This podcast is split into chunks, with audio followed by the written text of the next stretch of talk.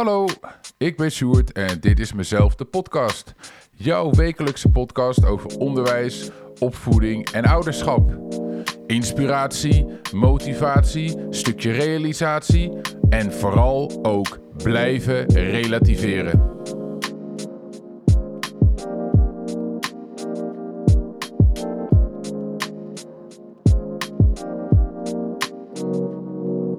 Yes, daar zijn we. Ehm, terug voor eh, seizoen 2.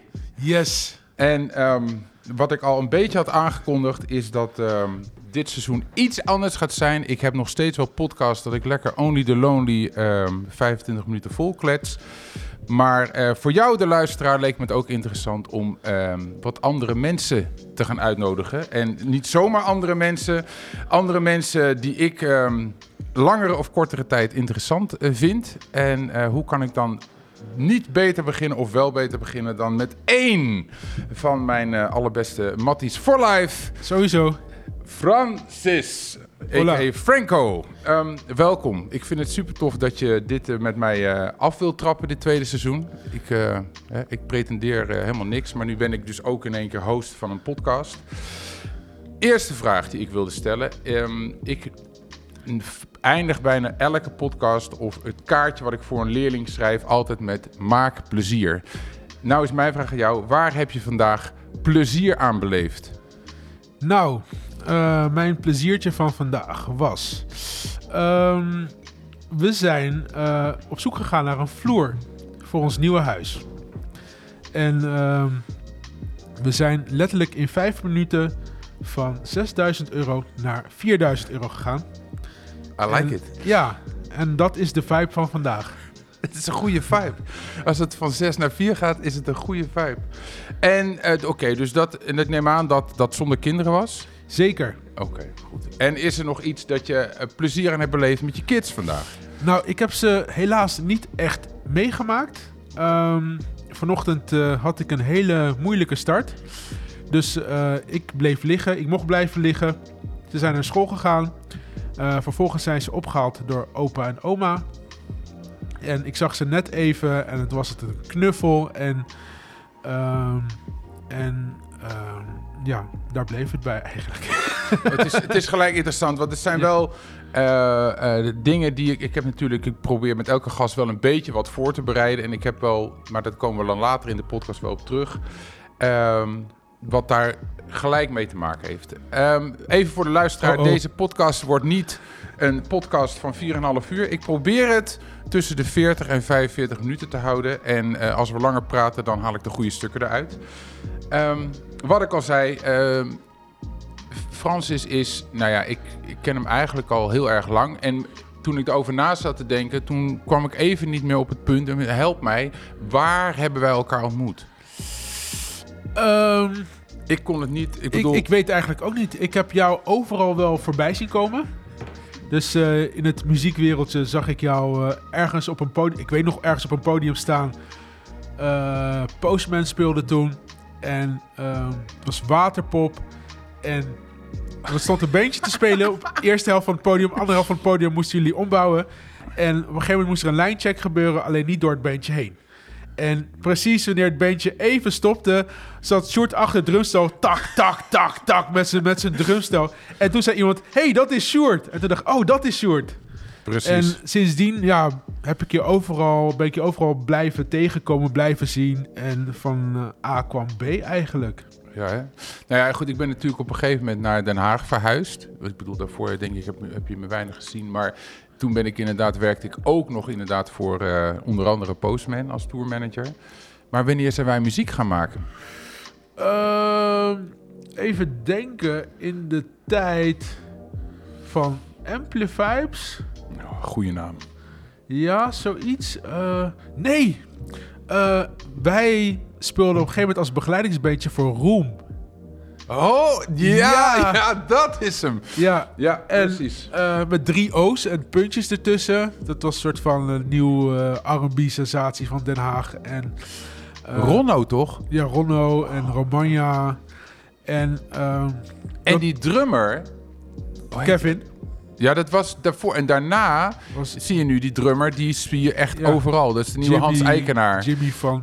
Ja, nieuwe huizen. Oké. Ja, oké, goed. Goed, fijn om dat heel eventjes Ja. eh, eh, te hebben. Ehm, nou ja, goed, wij nemen dit op. ehm, wordt ook eh, opgenomen op video. Komt ook op YouTube. Op omdat ik DVD. DVD's komen ook nog uit. Maar ik merk dat het mensen toch ook leuk vinden om podcasts te kijken. Dus ik had ik zoiets van, nou laten we dat meelopen. Ehm, is gewoon bij mij thuis. Is de meest eh, fijne eh, situatie. Ehm, en we hadden het net ook al even met mijn vrouw, want die loopt hier natuurlijk ook gewoon rond. Hadden we het over het feit, eh, ehm, eh, nou ja, hoe eh, wij elkaar ontmoet hadden. dat soort zaken. Ik ben nu even kwijt wat ik eigenlijk wilde vragen. Komt zo meteen terug. Ehm, oh ja, dat is wat ik wou zeggen. Jij hebt op een gegeven moment tegen mij gezegd... ehm Sjoerd, leuk hoor, dat je... Ja, Chantal, leuke chick hè? Ja, ja twee kinderen. En je liet toen een stilte vallen. Ehm, jij hebt me toen, nou ja, gewaarschuwd. Klinkt heel erg negatief, maar je hebt toen wel gezegd van... Hé hey man, Weet waar je aan begint. eh, weet waar je aan begint. Nou, dat wist ik niet. Ehm, eh, maar ik ben steeds wel echt blij dat ik eh, het toen niet wist en het nu wel beter weet. Ehm, hoe vind je dat nu? Want je zei, het is 18 jaar geleden, kwamen we net achter, oude mannenpraat. Maar ehm, hoe vind je het nu? Want je vond, je- toen Ja, had je zoiets nee, van... Ik vond het... Ik vond het, ik vond het ja, ik, ik, ik weet niet. Ik was zelf toen... Ik zat in een hele andere periode van mijn leven. Ik was toen eh, gewoon echt... eh, alles moest kapot. En eh, lang leven de lol. En ja, commitment was niet mijn sterkste ding. Als ik uitgenodigd werd voor begrafenissen, bruiloften of baby showers ging ik nooit, want het was te confronterend, te dichtbij. En ik had zoiets van, nou, dat past niet bij mij. En ja, als een van je beste vrienden op een gegeven moment een eh, gezin aangaat... Ja, dat was... eh, ja, ik had zoiets van, hmm, dat is wel pittig. Maar eh, ja, het is, het is, ja, je vrouw is geweldig. Kinderen waren echt tof. Volgens kregen jullie zelf een kind samen. En ja, dat heb ik ook van dichtbij mogen zien. En ja, dat is wel voor mij eh, een eye-opener. Ja, als een van mijn eerste vrienden met een kind... dat ik van dichtbij heb mogen meemaken... eh, dat het ook wel leuk kan zijn, zeg maar. Of eh, ja, interessant. Ja, nou ja, precies wat je zegt. Ik bedoel, je krijgt niet alleen een nieuwe relatie, maar je hebt gelijk een gezin. Zeg Ja. maar. En wij hebben er natuurlijk best wel ook wel gesprekken over gevoerd. Want eigenlijk, hè, even voor de luisteraar, je hebt ook twee kinderen. Yes. Ehm, en die zijn nu acht, Die zijn zes en negen. zes en negen. Dat loopt eigenlijk een jaar of tien achter mijn jongste kind aan, Ja. zeg maar. Dus ik loop eigenlijk een, eh, een, een klein generatietje voor. Ehm, wat je zei over commitment, dat begrijp ik. Weet je, wij, wij, gingen, wij gingen heel goed samen. Maar dat is ook wel dat ik af en toe dacht... oké, dit is Francis. We hadden volgens mij afgesproken vandaag. Ehm, dus commitment begreep ik. En ehm, nou goed, ik heb ook wel echt toen naar je geluisterd... en, en het ook echt wel meegenomen. Alleen het gevoel... Hè, misschien eh, te naïef of te makkelijk, maar goed, mijn gevoel zei van ik moet dit gewoon doen. Ik weet niet waar het naartoe gaat, maar ik had wel zoiets van ik moet dit gewoon doen. En nou ja, goed, we zijn nu 18 jaar eh, verder Ja, met, ehm, met een gast van 26 eh, hier in de hoek, eh, die heel erg eh, stil probeert te zijn om maar niet door de podcast heen te, te, geluid te maken. Ehm, en de jongste is inmiddels 16, die net ook het huis maar uit is gegaan, want anders moet ik stil zijn. Ehm, voordat ik allerlei vragen, want nogmaals, ik, ik kan de hele dag vragen stellen. Ik heb ook vragen aan elke luisteraar die bij mij nu in die podcast komt van joh, eh, bereid wat voor. Weet je, heb je een vraag, heb je een dilemma, heb je een advies, heb je eh, advies nodig? Ehm, dus heb je iets? Ehm, ik heb eh, genoeg. Ik heb ja, dus twee kinderen. Maak ik veel mee. Ze zijn, hoe zeg je dat? Twee halfbloedjes. En ehm, ja, dat is een leuk wereldje om in te begeven, zeg maar. Dat, ehm, ja, ik, ik ben als, eh, als, als kind... was ik vaak op veel plekken een van de weinige gekleurde kinderen. En... ehm, nu is het steeds normaler geworden. Mensen vinden elkaar gewoon leuk om wie ze zijn in plaats van waar ze vandaan komen. En ehm, ja, ik, eh, ik, ik, ik, ik vind dat nog wel altijd een topic, zeg maar. Van hoe worden, worden kinderen anders behandeld van waar ze vandaan komen, van wie de ouders zijn. Ehm, ehm, wat zijn de gevolgen daarvan? Want ik weet hoe ik ben opgevoed. Ik ben behoorlijk ehm, ja, gekleurd opgevoed met de gedachte van... oké, je bent gekleurd, je, bent, je, je staat al 3-0 achter. Mhm. Je moet je extra bewijzen als kind zijnde op school, op werk, op, eh, op je sport, waar dan ook. En eh, zo kom je op kinderen of op straat ook bijvoorbeeld situaties tegen waar je als kind dan niet in mag komen, vind ik. Mhm. Zoals met racisme. eh, je wordt gepest, je bent anders. Ik was vroeger al best wel groot en, en sterk, maar ook zwaarlijvig.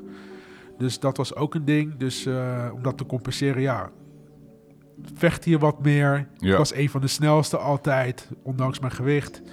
En eh, ja, dat zijn dingen eh, waarvan ik zoiets heb van, ja, hoe ziet dat er tegenwoordig uit?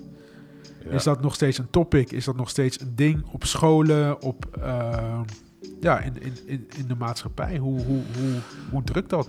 erop? Nou ja, ja ik, ik kom natuurlijk op allebei even voor eh, ook de, mensen die aan het luisteren zijn. Ik werk zowel in het, in het, in het basisonderwijs als ook in het voortgezet onderwijs. Ehm, en het, het is natuurlijk een beetje grappig, omdat er wordt heel vaak eh, gezegd... ja, dat zijn Marokkanen of dat zijn Turken of dat zijn Surinamers. Ehm, maar eigenlijk hebben we het dan over... we hebben het over Marokkaanse afkomst. We hebben het over Turkse afkomst. Want alle kinderen die hier zijn... nou ja, 95% is ook gewoon in Nederland geboren. Dus wat mij betreft eh, noemen we het woord Nederlanders. Ehm, ehm, ehm, dus, dus kijk, en iedereen heeft gewoon zijn achtergrond. Of je nou een Nederlands achtergrond, Antilliaanse achtergrond. Ehm, en daar, daar, dat stukje cultuur, daar, daar wil je wat mee. Neem ik aan als ouders. Ik neem aan dat jij, eh, je, hebt, je hebt zelf iets meegekregen en dat wil je bewust of onbewust ook doorgeven. Mijn eerste vraag, eh, toen je zat te praten, dacht ik van, maar hoe ervaren jouw kinderen het? Hoe voelen zij zich? Zijn zij heel erg bewust van, ik ben een half bloedje of, of hè, is Antilliaans schoten, is het Nederlands schoten? Hoe voelen zij dat? Ehm, nou, in het begin, eh, ja, ze krijgen er weinig van mee in het begin. En op een gegeven moment eh, gaan ze wel dingen zien, dingen meemaken. Zoals, eh, ik noem maar iets, eh, elk Disney-proces heeft eh, blond lang haar. Ja. En dan gaan ze zich daarmee identificeren van... hé, hey, ik wil ook blond lang haar. Ik wil geen krullen. Of eh, dat soort kleine dingetjes. En dan eh, merk je nu, mijn dochter bijvoorbeeld, die is negen... ja. dat ze na zoveel jaar, dan komt er de nieuwe eh, Kleine Zemermin film...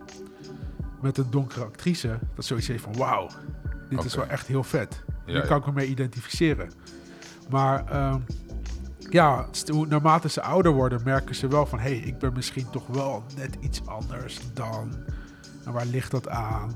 ja. En ehm, ja, dat. Het, het is echt een, eh, eh, een ongelooflijk ehm, moeilijk en, en soms vind ik ook te moeilijk gemaakt onderwerp. Omdat, hè, ik bedoel, hoe mag je het wel noemen, hoe mag je het niet noemen, zonder dat je of gelijk eh, uitgemaakt wordt voor racist, of als je kritisch bent, dat je gelijk eh, gecanceld wordt, hè, van hè, blank, wit, eh, Groen, geel. nou ja, dat, dat vind ik heel vaak wel moeilijk. Ehm, feit is gewoon dat iedereen zijn eigen afkomst heeft en zijn achtergrond. En of dat nou wel te maken heeft met een land of met een kleur. Of weet je, iedereen heeft iets. En ehm, ja, ik, ik vind het heel belangrijk om, en zeker in mijn werk, ik kijk daar niet naar. Eh, niet naar kleur, niet naar afkomst. Ik kijk gewoon naar het individu. Wie ben jij als kind? Hè, en, en dat dat een mix is of geen mix is, of, eh, dat maakt uiteindelijk niet zoveel uit. Er zijn natuurlijk binnen het, het onderwijs en binnen een school... zijn er ehm, ja, scholen die maken hun eigen plan. Hè? Ik bedoel, eh, ik heb vandaag nog in een... ik heb nog een nieuw woord geleerd. Ik zat in een overleg en eh, daar, daar werd, werd ik doodgegooid met normatief kader.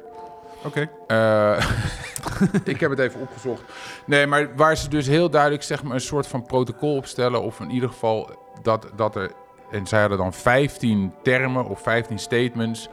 Waar, wat zij wilden zien van: oké, dit is wat wij als schoolbreed accepteren. En dat gaat dan nog even los van wie of wat je bent, maar dit is hoe wij de regels binnen school hebben. Hè? Dat wij vinden, en dit was dan een, eh, een, eh, een middelbare school. eh, op het moment dat je school binnenkomt, heb je geen pet op, geen capuchon op, zijn je, zijn je airpods uit je oren.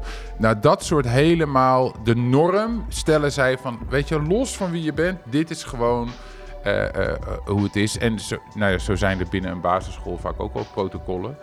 Ehm, heb jij nu, of hebben jouw kinderen nu last, of, of merken ze dat, dat het binnen zo'n basisschool toch wel dat ze anders benaderd worden door juffen, door eh Nee, mededelingen? totaal niet. Oké. Nee, totaal niet. Dat, dat, dat is echt wel het mooie van de school waarop ze zitten. Ja, En nou, ze worden geprezen om hun hersenen. En dat wordt eh, goed gestimuleerd daar zo. Dus eh, daar heb ik niks eh, over te klagen. Het zijn vaak dan de ouders die, Ja, hè? ja, Ja. die denken en vinden, zeg maar. Ja, ja jou- jouw vrouw vertelde laatst een ongelooflijk goed ding. En ik heb het nog steeds niet besproken in een podcast. Ehm, maar ik was daar echt verbaasd. Nogmaals, ik, ik heb helemaal niks meer te maken met, met basisscholen met mijn eigen kinderen. Ik heb zelfs al niet meer met middelbare scholen te maken met mijn eigen kinderen. Maar die dus inderdaad vertelde dat er een moeder was die aan jouw vriendin vroeg van... hey, eh, zou je misschien mijn kind even thuis kunnen brengen, want ik ben nog aan het werk. ja. ja. ik, ik kon het eigenlijk niet geloven. Dat ik denk, nee, maar als ik dit in mijn podcast ga bespreken, dan word ik gewoon voor gek verklaard. Weet je, Ja. dit, dit is gewoon te extreem. Ja. Ja, dit, dit zijn de ouders van tegenwoordig. Maar Zij- praat mij alsjeblieft bij over wat meer ouders Nou, in de oké, basisschool. Oké, Oké, laten we beginnen hiermee, inderdaad. Eh, een vriendinnetje van mijn- dochter kwam spelen. Shout-out naar Savi trouwens. Yes. Precies. En, eh, en eh, het was een beetje een vage afspraak. Uiteindelijk die, die ouders kunnen bereiken over de app. Kan ze meekomen, kan ze blijven spelen. Ja, is goed. Kom je ze zo laat ophalen. Om vervolgens een appje te krijgen. Ik red het niet, kan je mijn kind naar huis brengen? We kennen die ouders niet. We hebben er nooit gezien, nooit gesproken. En eh, op dat gevoel was eigenlijk alles belangrijker dan de kind. En eh, dat is het gevoel wat we best wel vaak hebben. Zeker met de hedendaagse ouder. Zeker daar. Eh, mijn vriendin die zit dan in een, eh, in een groepsapp. Zij is eh, klasse. Eerlijk, ouder. wacht even. Zat jij daar ook in? Heb jij, ben jij zelf die groep maar gewoon verlaten? Eerlijk. Ben je eruit ik- gestapt, Franco? Ik- nee, nee, nee. ik heb in het eerste jaar in de g- groepsapp gezeten. Eerste twee jaar. En daarna heb ik ervoor gezorgd dat ik er niet meer in hoefde. Oké. Dus ik zit er niet in. Want ik ben diegene die echt wel dingen zegt als het erop eh, aankomt. Zeker ten tijde van corona. Ehm, daar gaan we het zo over hebben. Oh, Maar eh, als er nu een verzoekje is van welke ouder gaat er mee naar een museum, naar een bibliotheek, wat dan ook. Niemand reageert.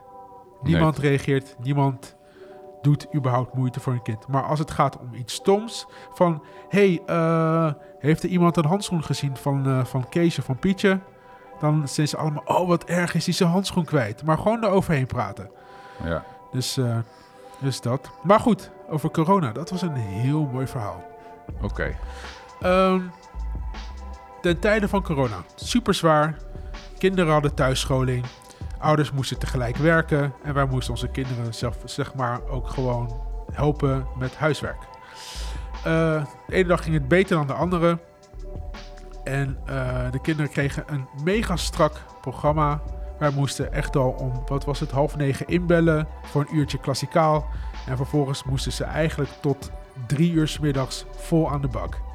En daarnaast moesten wij als ouder dan ook gewoon onze acht uur werk volmaken.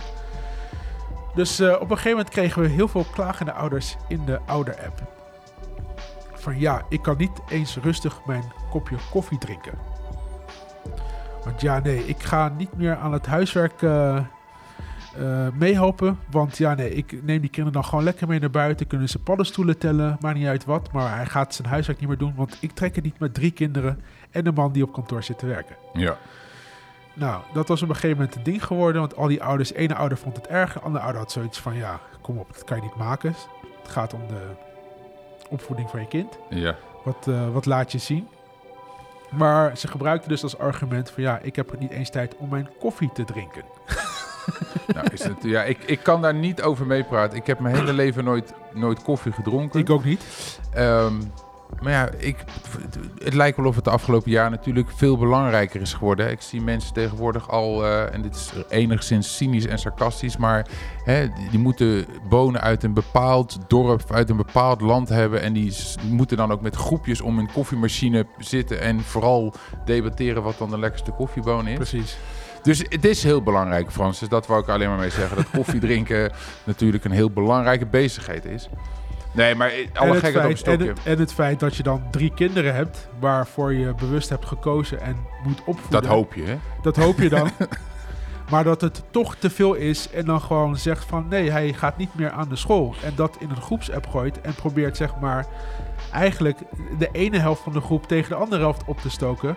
Of, of eigenlijk tegen het hele systeem. Mhm. Het leersysteem wat op dat moment is ingesteld. Van ja, uh, hier gaan we niet aan meedoen. Nee. En uh, ja, een persoonlijk probleem eigenlijk een groepsprobleem te maken ten koste van je kinderen. Ja, ja ik, ik, nogmaals, ik, um, ik zei, ik kom natuurlijk nu wat minder, minder ouders tegen, omdat ik natuurlijk niet meer echt de uren op uh, schoolpleinen sta. Maar ik, vanuit mijn werk kom ik natuurlijk nog wel echt in aanraking uh, met ouders. En ik merk wel op die basisscholen dat, ik bedoel, ik heb nu een tijd geleden ook had ik een, een casus met een, met, een, met een jongen op school die en dat was uiteindelijk besloten vanuit zijn stoornis toch ook wat medicatie uh, moest hebben. Niet dat ik daar enorm voorstander van ben, maar in sommige gevallen en in dit geval ook uh, was het voor deze jongen wel om er een topje af te halen, waardoor hij wel aan leren toe kon komen. Um, en als je dan hoort, hè, als je ziet hoeveel effort een school erin stopt. En als je dan hoort met het gemak waarmee ouders die medicatie vergeten te geven in de ochtend. Vrouw op. Ja, ik vind dat, ik vind dat uh, iets heel moeilijks. Ja, laat ik dat zeggen. Ja, ik zie dat ook vaker gebeuren. Bijvoorbeeld, heel goed voorbeeld. Naast mijn uh, werkplek, naast mijn studio, zit dus een, uh, een, een, stichting. Wat helpt, wat heel veel doet voor de maatschappij. Wel. Ze helpen probleemkinderen les te krijgen. Maar diegene die dat organiseert heeft zelf nog geen systeem. Ze zitten in een pand waar, wat niet erop ingericht is om dat soort kinderen te, te, te huisvesten. Plus, ze werkt alleen maar met stagiaires. Hm. Dus je hebt de hele dag gillende kinderen die niet rustig willen blijven zitten en werken, omdat ze op elke school zijn afgewezen en inmiddels daar worden, letterlijk worden afgegooid door hun ouders. Mm de ouders die rennen gillend weg en dan komen ze zo laat, zo laat mogelijk terug. en uh, ja, dan zit je dus in een pand vol met mensen die proberen te werken. En dan kinderen die in elke hoek of kamer wel zitten te schreeuwen, te rustig proberen te blijven. En uh, ja, en dan zie je hoe die ouders daarmee omgaan. Van, bijvoorbeeld, er zit een autistisch jongetje bij van om bij 16 jaar. En uh, super lieve gast, super zacht. En uh, hij zou dan om kwart over één door zijn vader worden opgehaald. Mm -hmm. Dus hij gaat daar staan waar hij heeft afgesproken met zijn vader: van ik sta daar te wachten. Van kwart over één tot half vijf. Oké. Okay. Wauw. Zijn vader kon pas om half vijf aanzetten. Ja. Maar toen kwam het hem uit. Daar was nog druk. Ja. Maar het kind verplaatst dan niet. Het blijft daar gewoon op één plek staan, omdat hij dat heeft afgesproken met zijn vader. Hij komt niet naar binnen. Het is ontzettend koud, maar hij blijft daar staan. Mm Want dat is gewoon. Ja, ja, ja, ik, ja, nogmaals, vertel me niks over, over, over ouders en hoe ze met hun uh, autistische kinderen omgaan. Um, nogmaals, ik wil dat het een hele positieve ingestoken podcast uh, blijft. Maar dat, dat zijn wel vanuit mijn werk, als ik het puur even vanuit mijn werk bekijk, zijn dat voor mij wel de momenten dat de frustratie opneemt, oplaait bij mij. Dat ik denk dat ik gewoon niet snap hoe je af en toe keuzes kan maken met betrekking tot uh, je kind. Uh, misschien dat zo'n vader dan ook nog wel zegt: ja, maar daar wordt hij zelfstandig van. Want dat hoor je namelijk ook heel vaak. Het is goed voor zijn zelfstandigheid. Um, ik, ik maak even een combinatie in mijn hoofd van zowel het coronaverhaal wat je zei, plus wat je, wat je eerder zei, dat, uh, dat je blij bent met de school omdat ze je kinderen zien om hun hersenen. Ja. Um, wat mij dan bij de vraag brengt van, in, hoe, in hoeverre, en dan kom ik zo met de link naar corona. Ehm, in hoeverre is dat dan, het, is, vind je dat het belangrijkste voor een school? Dat ze jouw kind eh, hun slimheid zien en dat ze je kind zo hoog mo- met zo'n hoog mogelijke potentie van een basisschool af laten komen? Als, als kleine vader zou je zeggen ja. Van ja, ik wil het liefst dat mijn kind eh, zo goed voorbereid mogelijk naar een middelbare school gaat. Mhm. Maar uiteindelijk gaat het alsnog om hun ontwikkeling. Als het linksom gaat of rechtsom of eh, onderdoor of overheen, maakt niet uit. En welke ontwikkeling bedoel je dan? Eh, gewoon hun groei qua leren, qua, qua leven, qua, ja, qua alles eigenlijk. Dus eh, als hij iets creatiever is dan, eh, dan slim, ja, prima. Als hij zijn basis kent, is er niks aan de hand. Nee. nee. Nou ja, omdat, waarom ik het vraag is dat, dat ehm, waar ik nu veel tegenaan loop, is dat de kinderen die nu in welke klas ze ook zitten, maar dat er dus, en dan kom ik toch terug op die hele coronatijd, die twee jaar hè, dat basisschoolleerlingen en ook middelbare schoolleerlingen gewoon thuis hebben gezeten achter een schermpje. Ehm, ehm, wat sowieso heel veel van je vraagt als kind. Het is Eh, super uniek, want wij hebben dit allemaal nooit meegemaakt. Nee, precies. Dus, dus nogmaals, hè, ik geloof echt dat leerkrachten zo goed als ze- zo kwaad als het kon en ook scholen dat hebben moeten insteken op een bepaalde manier. Maar wat je dus nu wel me- merkt, zeg maar vanuit mijn werkveld, is dat er een ongelofelijke kloof zit in hun sociaal-emotionele ontwikkeling. Die twee jaar dat ze dus niet hebben kunnen gebruiken om vijf dagen in de week met hun leeftijdsgenoten te zijn, Ehm, zowel op basisscholen als op, op middelbare scholen merken ze daar nu, eh, plukken ze daar nu echt de negatieve eh, eh, vruchten van. Ehm, dus daarom vroeg ik eventjes van Ja. hoe belangrijk is een school hè, eh, eh, eh, om ze zo goed mogelijk af te leveren eh, qua slimheid, om het maar even zo te noemen. Dus, dus puur hè, op welk niveau. ze- maar voor mij, ehm, nog even los van die hele coronatijd, is die hele sociaal-emotionele ontwikkeling vind ik misschien nog wel, ehm, of misschien, misschien kan er wel af, vind ik belangrijker dan dat ze het hoogste niveau halen. Ja, het zijn geen robots. Precies. Ja. Dus dat is, dat is wat, ik, wat ik graag ook even, daarom vroeg ik even op, op door. Ehm, hoe, hoe, hoe schat jij jouw eh, kids in? Voordat ik trouwens kids verder ga. Odin, mijn beste Mattie, die moet ook een shout-out. Ehm, want nogmaals, ehm, zijn zus een shout-out, hij ook een shout-out. Zo zijn we. Hoe zie je ze als sociaal-emotioneel? Hoe, hoe, hoe vind jij ze erin zitten? Ja, ehm, Persoonlijke vraag en je mag Ja. ook altijd nee zeggen. nee, nee. ehm, even, even, even denken. Nee, ehm, ze zitten er echt wel goed in. Socia eh, Savi zit eh, goed in de groep. Veel vriendinnen. En zij sowieso was ze al de jongste van de klas. En nu is een klas overgeslagen. Dus haar vriendinnen zijn allemaal gewoon een jaar plus ouder. En eh, daarin gaat ze heel goed mee. Ehm,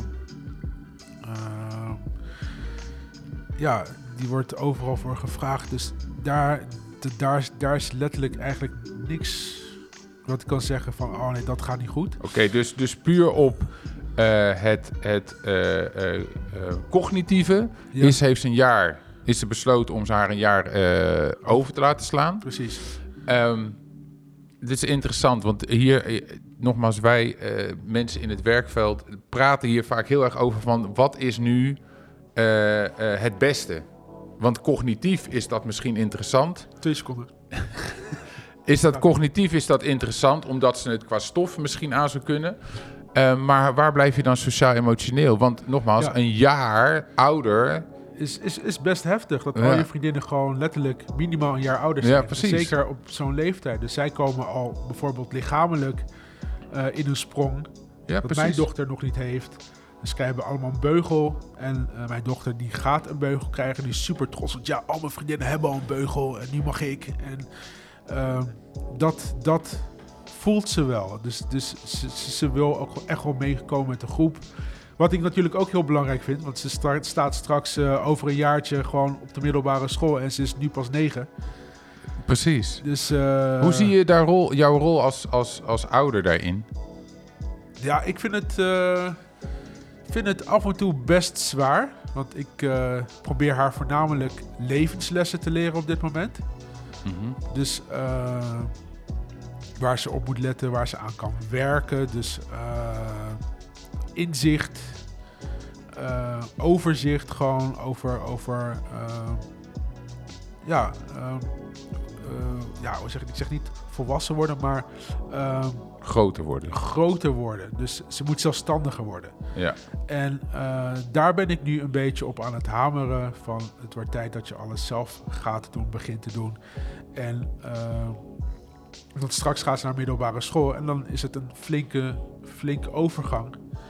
En ik weet zelf ook nog uit mijn tijd dat wij ook altijd gewoon een paar van die gastjes erbij hadden lopen die echt ontzettend klein en ontzettend jong waren.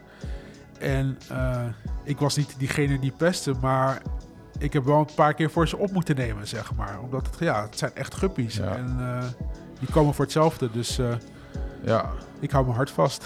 ja, nou ja, en ja, nogmaals, ik heb, de, ik heb helemaal geen, geen dochters. Dus ehm, zit daar, want jij, jij bent natuurlijk hè, de geluksvogel die zowel een, een, een dochter als een zoon heeft. Ben je daar verschillend in? Ehm, In, in opvoeding, in benadering? Vind je het makkelijker, een nou, zoon? ik, ik, ik moet heel eerlijk zeggen dat ik een dochter nu makkelijker vind. Nu? Ja, Oké. nu nog. Ik Zij- ga je nu elk half jaar vragen hoe goed. de verhouding staat. Zij, zij is, eh, zij is eh, iets pittiger. Eh, heeft iets meer temperament. heeft, heeft echt wel... Ze is niet op de mondje gevallen, zeg maar. Dus die kan echt wel van zich afbijten. En eh, mijn zoon, die is eh, wat jonger. Die heeft eh, anderhalf jaar geleden, twee jaar geleden... nog een flink traumatisch ongeluk gehad Mhm. op school. En dus die, die is nog echt wel een stuk gevoeliger. En die hebben dus ook een half jaar veel meer thuis gehad dan op school die periode. Dus ja, die is, die is een stuk gevoeliger, die is sneller getriggerd. Eh, is super creatief. Er gebeurt heel veel in zijn hoofd wat er nu nog niet helemaal uitkomt zoals hij het zou willen. Dus daar is hij nu vol, vol eh, mee aan het werk. Mhm. Maar ja, dus dat. Ja. Nee, ja, nee, omdat het is, het is grappig, omdat ik natuurlijk, wat ik al zei, ik, ik doe ook veel op middelbare scholen. En, en nou ja, goed, daar, daar is dan toch wel de tendens dat, hè, eh, zeker als het dan op uitgaan uitkomt en als eh, ze ouder worden, dat toch dochter, dat je toch vaak hoort dat er meer zorg is om je, om je meisje dan dat eh, je zoon Nou, nou, naar buiten gaat. Misschien omdat ik in mijn hoofd al heb zitten van als ze naar de middelbare school gaat, ga ik er elke dag brengen en halen. Dat heb ik nu soort van een beetje in mijn hoofd zitten. Niet dat dat, Serieus? ja, niet dat dat zal gaan gebeuren, maar dat is een beetje mijn veiligheidsnet. Ja. Dus eh ze zou uiteindelijk naar school moeten gaan, maar eh, ik wil niet dat ze langer dan, eh, dan drie kwartier in een bus zou moeten zitten om naar school te gaan, niet wetende wat er kan gebeuren. Nou ja, goed, nogmaals, ik, ik bedoel, die jongste van mij, die is natuurlijk met zijn oudere broer vorig jaar, eh, toen was hij nog 15, toen is hij een lang weekend naar Italië gegaan met z'n tweeën voor een of ander breakdance event. En toen heb ik me ook wel afgevraagd van, als dit mijn dochter was geweest, van 15, had ik dat dan ook gedaan? Ja, En, Ja. ik, en ik, weet het, ik weet het niet. Weet je, ergens vind ik gewoon van ja, nou, volgens mij is het geen verschil, moet gewoon eh, gaan. Ehm, maar ik weet het ook niet helemaal zeker hoe ik dat. En, en misschien is er ook een verschil dat ze dan met een oudere, want hij ging natuurlijk ook Ja. met zijn oudere broer. Ehm, ik weet het niet. ja, het hangt er vanaf waar ze heen gaan, Met wie, met wie, onder welke omstandigheden. Ja, dat, hoe ze ook zijn opgevoed. Van, Maar ik denk ook, en wat je net ook zei, ik denk ook dat je op een gegeven moment gewoon, kijk nogmaals, eh, mijn jongste is 15 en die laat al zo'n ding zien naar zichzelf en ons, dat hij in die dingen in ieder geval heel zelfstandig is en dat hij, dat hij de oplossing weet op het moment dat. Ik bedoel nogmaals, om even te refereren aan, aan die trip. Ze hadden gezegd dat ze bij een dorpje moesten zijn. Ze, Ja. ze vlogen op, op Rome. Ze hadden een bus geregeld. Nou ja, goed, ik heb hem dan nog wel in Find My iPhone zitten, dus ik kon zien. En ik zag op een gegeven moment, oh ja, rond 7 uur zouden ze bij dat dorpje zijn. En ik zie gewoon die lijn. Dat ik denk, maar dat is echt een stuk voorbij het dorp, weet je wel. Ehm, dus toen had ik wel even zoiets van, oké, wat is er aan de hand? En ehm, nou goed, op een gegeven moment kreeg ik het telefoontje dat ze, nou ja, goed, natuurlijk waren ze vergeten op de knop te drukken of de buschauffeur was niet gestopt. Er was een vrij onduidelijke reden waarom ze niet waren uitgestapt. Maar vervolgens hebben ze dus gewoon geregeld. Het enige is of ik even een nachtje een vier sterren hotel wilde betalen. Want in, de, in het dorp verderop was een te gek hotel. Ja, ook nog ontbijtje geregeld, pap. Uh, dus het ging uiteindelijk, kwam het helemaal goed. Um, maar ja, goed, nogmaals, ik, ik denk als je het dan hebt over zelfstandigheid. Ik denk... Um, waar ik, waar ik je echt veel succes mee wens, is straks het stukje loslaten. Want jij hamert nu bij je dochter en misschien in mindere mate nog bij je iets jongere zoon van hé, je moet zelfstandig zijn, totdat ze zelfstandig gaan zijn. Ja, maar goed, daar ben ik nu ook al vol mee bezig. Uh, ze heeft uh, kickboxles, dus... Okay. maar Stap, dat, maar stapje voor stapje. ja, maar dat doet niks af aan het feit dat ze straks echt een periode heeft dat ze niks meer met je te maken wil hebben.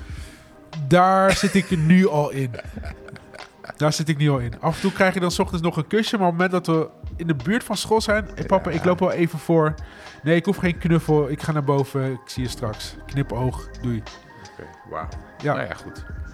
Um, gezien de tijd, omdat ik mensen ook niet te lang... Uh, heb ik nog één uh, vraag. Want nogmaals, het is heel grappig. Um, wij hebben de grootste gemene deler is wel muziek. Um, wij hebben in en kinderen. En kinderen, precies. Die, die, die, uh, nee, maar wij gaan, zijn natuurlijk uh, even mooi. Dan krijg ik toch weer een cirkeltje in deze podcast. Um, wij zijn muziek met elkaar gaan maken. Um, nou ja, goed. Iets meer en minder succesvol. Um, daarna zijn we zeker muzikaal uh, onze, onze eigen, eigen weg gegaan. hoe doe je dat nu? Nogmaals, ik, ik vind het grappig, want toen ik deze podcast voorbereidde, had ik toch zoiets van: hey, het is grappig, want ik loop toch in alles een klein stukje uh, uh, vooruit. Voor, vooruit. Nogmaals, ik heb mijn muziekcarrière, in ieder geval professioneel vlak, heb ik opgezegd. um, hè, ik doe het nu gewoon als hobby en dat is een hele leuke hobby. Um, maar goed, jij bent nog wel. Uh, nou ja, goed, je bent natuurlijk professioneel nog ook met muziek bezig. Hè, in ja. geluidsbewerking voor, voor series en films. Maar je bent ook nog wel echt een soort van ambitieus met, met een muziekproject bezig. Ja, ja. En, en waar zit dat? Hoe maak je die afwegingen? Want ja, je, je, je loopt, maar goed, nogmaals, correct me if I'm wrong, nog best wel een muziekcarrière achterna. Nou, um, en hoe verhoudt zich dat tot family life? Nou, het ding is, ik loop het niet achterna. Het is uh, iets wat ik gewoon niet los kan laten. Ik heb het wel vaker geprobeerd. Mm -hmm. Dus ik heb vaker geprobeerd van oké, ik zet het van me af. Ik probeer me even hierop te focussen. En ik merk echt gewoon van ja, op het moment dat ik twee, drie weken er niks aan doe, dat ik helemaal gek word. Dus het is echt wel een deel van mij. Ja. En uh, wat ik ook heb, is dat ik iets niet half kan doen. Dus ik kan mhm. niet soort van eventjes wat doen en dan weer laten liggen en dan... Ja. Dus ik, ik, ik moet het dan wel weer serieus aanpakken en uh, daarbij heb ik dan ook zeg maar de middelen uh, om het dan professioneel te kunnen doen. Ja. En dan, uh, ja, dan, ja dat, dat is met thuis altijd wel moeilijk, moeilijk geweest.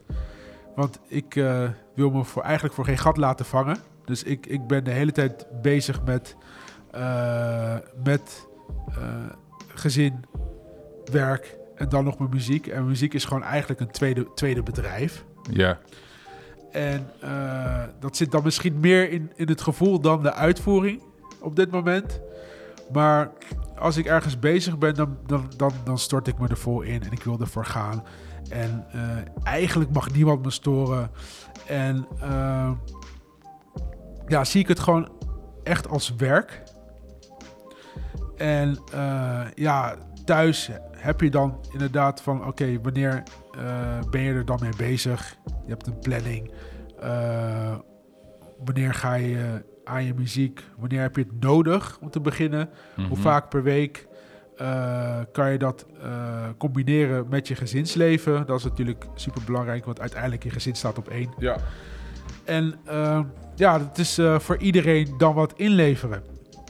Mm En ja, het, het, het, het is en blijft moeilijk. daarin. Eh, het, het, het, het nog altijd. Af en toe heb ik wat meer nodig, af en toe wat minder. En ik heb ook een baan als, eh, als ja, ik, doe, ik zit in de audio, ZZP'er. En eh, daar zit een soort van geen, geen planning aan vast. Het is gewoon gaan totdat je het af hebt. Dus dat vreet heel veel tijd van beide segmenten af. Zowel mijn muziek als mijn gezin. En ehm, ja, het is eh, soms heel chaotisch. Ja, precies. Soms heel chaotisch, maar eh, ja, eindstand. Het is, eh, het is en blijft moeilijk combineren om een echt creatief beroep of ja, hobby te hebben, veredelde hobby te hebben, ja. naast, een, een, ja, naast een gezin, zeg maar. Ja. Want creativiteit kan je niet sturen op een manier zoals jij dat zou willen. Het komt eruit en dan, dan, dan, dan moet het eruit. En Ja. dan, Nou ja, goed, ik kan Ja. het ik nog wel herinneren toen wij wel samen in eh, muziekprojecten zaten. Ik bedoel, wij gingen voor de kill, weet je wel. Ik bedoel, Ja. al moesten we drie nachten door eh, rammen om iets af te krijgen. Ik bedoel, het is uiteindelijk dan jammer dat mensen om ons heen eh, ineens met de noorderzon vertrokken of niet meer bereikbaar waren. Maar dus ik, ik hoor wat je zegt. En Maar voor mij heeft het toen wel, en dat, ja, hoe dat ontstaan is. ik bedoel, ik ben op een gegeven moment was ik echt gewoon klaar met de muziekwereld. Het, het hele opportunistische. Eh, ehm, dus voor mij heeft het toen echt gewerkt dat ik, dat, ik, dat ik op een gegeven moment mijn muziek ben gaan benaderen als hobby. Ja. Waardoor het dus gewoon in mijn hoofd ook minder prioriteit krijgt. Dus, eh, en vanuit dat punt, dus op het moment dat ik er tijd voor heb, is het superleuk om mee bezig te zijn. Ehm, dus, dus ik hoop voor jou dat het, dat, het, dat het gewoon ook op een gegeven moment op een punt komt, zegt deze oude man, dat het gewoon een leuke hobby kan zijn. Eh, want je gaat ook wel de jaren in, weet je, de jaren, ik bedoel, elk moment dat je met je kinderen kan zijn, is natuurlijk belangrijk, hoe ze jong of hoe oud ze ook zijn. Maar deze, de periode die je nu gaat krijgen, dat, ja man, daar moet je gewoon vol bij zijn. Ja, nou dat, dat, dat ben ik dus nu, eh, daar ben ik dus nu mee bezig. En eh, ergens ben ik dus nu de boel zo aan het inrichten dat het ook kan. Ja. Dus en muziek is niet eh, mijn eh, main ding. Mijn werk is echt gewoon stoorzender nu op dit moment. Gewoon deadlines de hele dag. En eh, pas als het af is, kan je naar huis. En daar ben ik nu soort van het meer aan het reguleren, zodat ik meer voor mijn kinderen kan zijn. Mhm. Eh, ik wil ze naar school brengen, ik wil ze op kunnen halen. Eh, voordeel van, van voor jezelf werken natuurlijk. Ja, Eh, ik wil mee naar hun activiteiten. Nou, Savi speelt piano. Eh, Odin is super creatief, houdt van tekenen. Zitten allebei op kickboksen. Dus ik wil mee naar die Ja. activiteiten. Ik wil erbij zijn. Ik wil ze een beetje mentaliteiten meebrengen van wat, wat ik heb. Van hey, eh, wel serieus. Van we kunnen straks eh, gaan spelen en stuiteren. Maar nu even focus hierop. Ehm, dus dat wil ik allemaal wel echt al te graag meemaken. En mijn muziek, dat is nu gereduceerd tot één avond in de week. Zoiets. ja. En eh, ja, tijdens mijn werk kan ik af en toe wel gewoon een basgitaar pakken. Of ik kan een plaatje draaien. Of, eh, of een ideetje uitwerken. Dat, dat, dat is altijd mogelijk. Maar ehm, nee, ik, ik besef wel dat het nu even geen prio is. Nee. Oké. En het kan pas prio worden mits het ooit echt serieus zou gaan worden en dat ik daar werk voor zou kunnen op gaan zeggen, zeg Ja. maar. Ja, precies. precies. Dan, dan krijgt het Ja. gewoon die ruimte weer.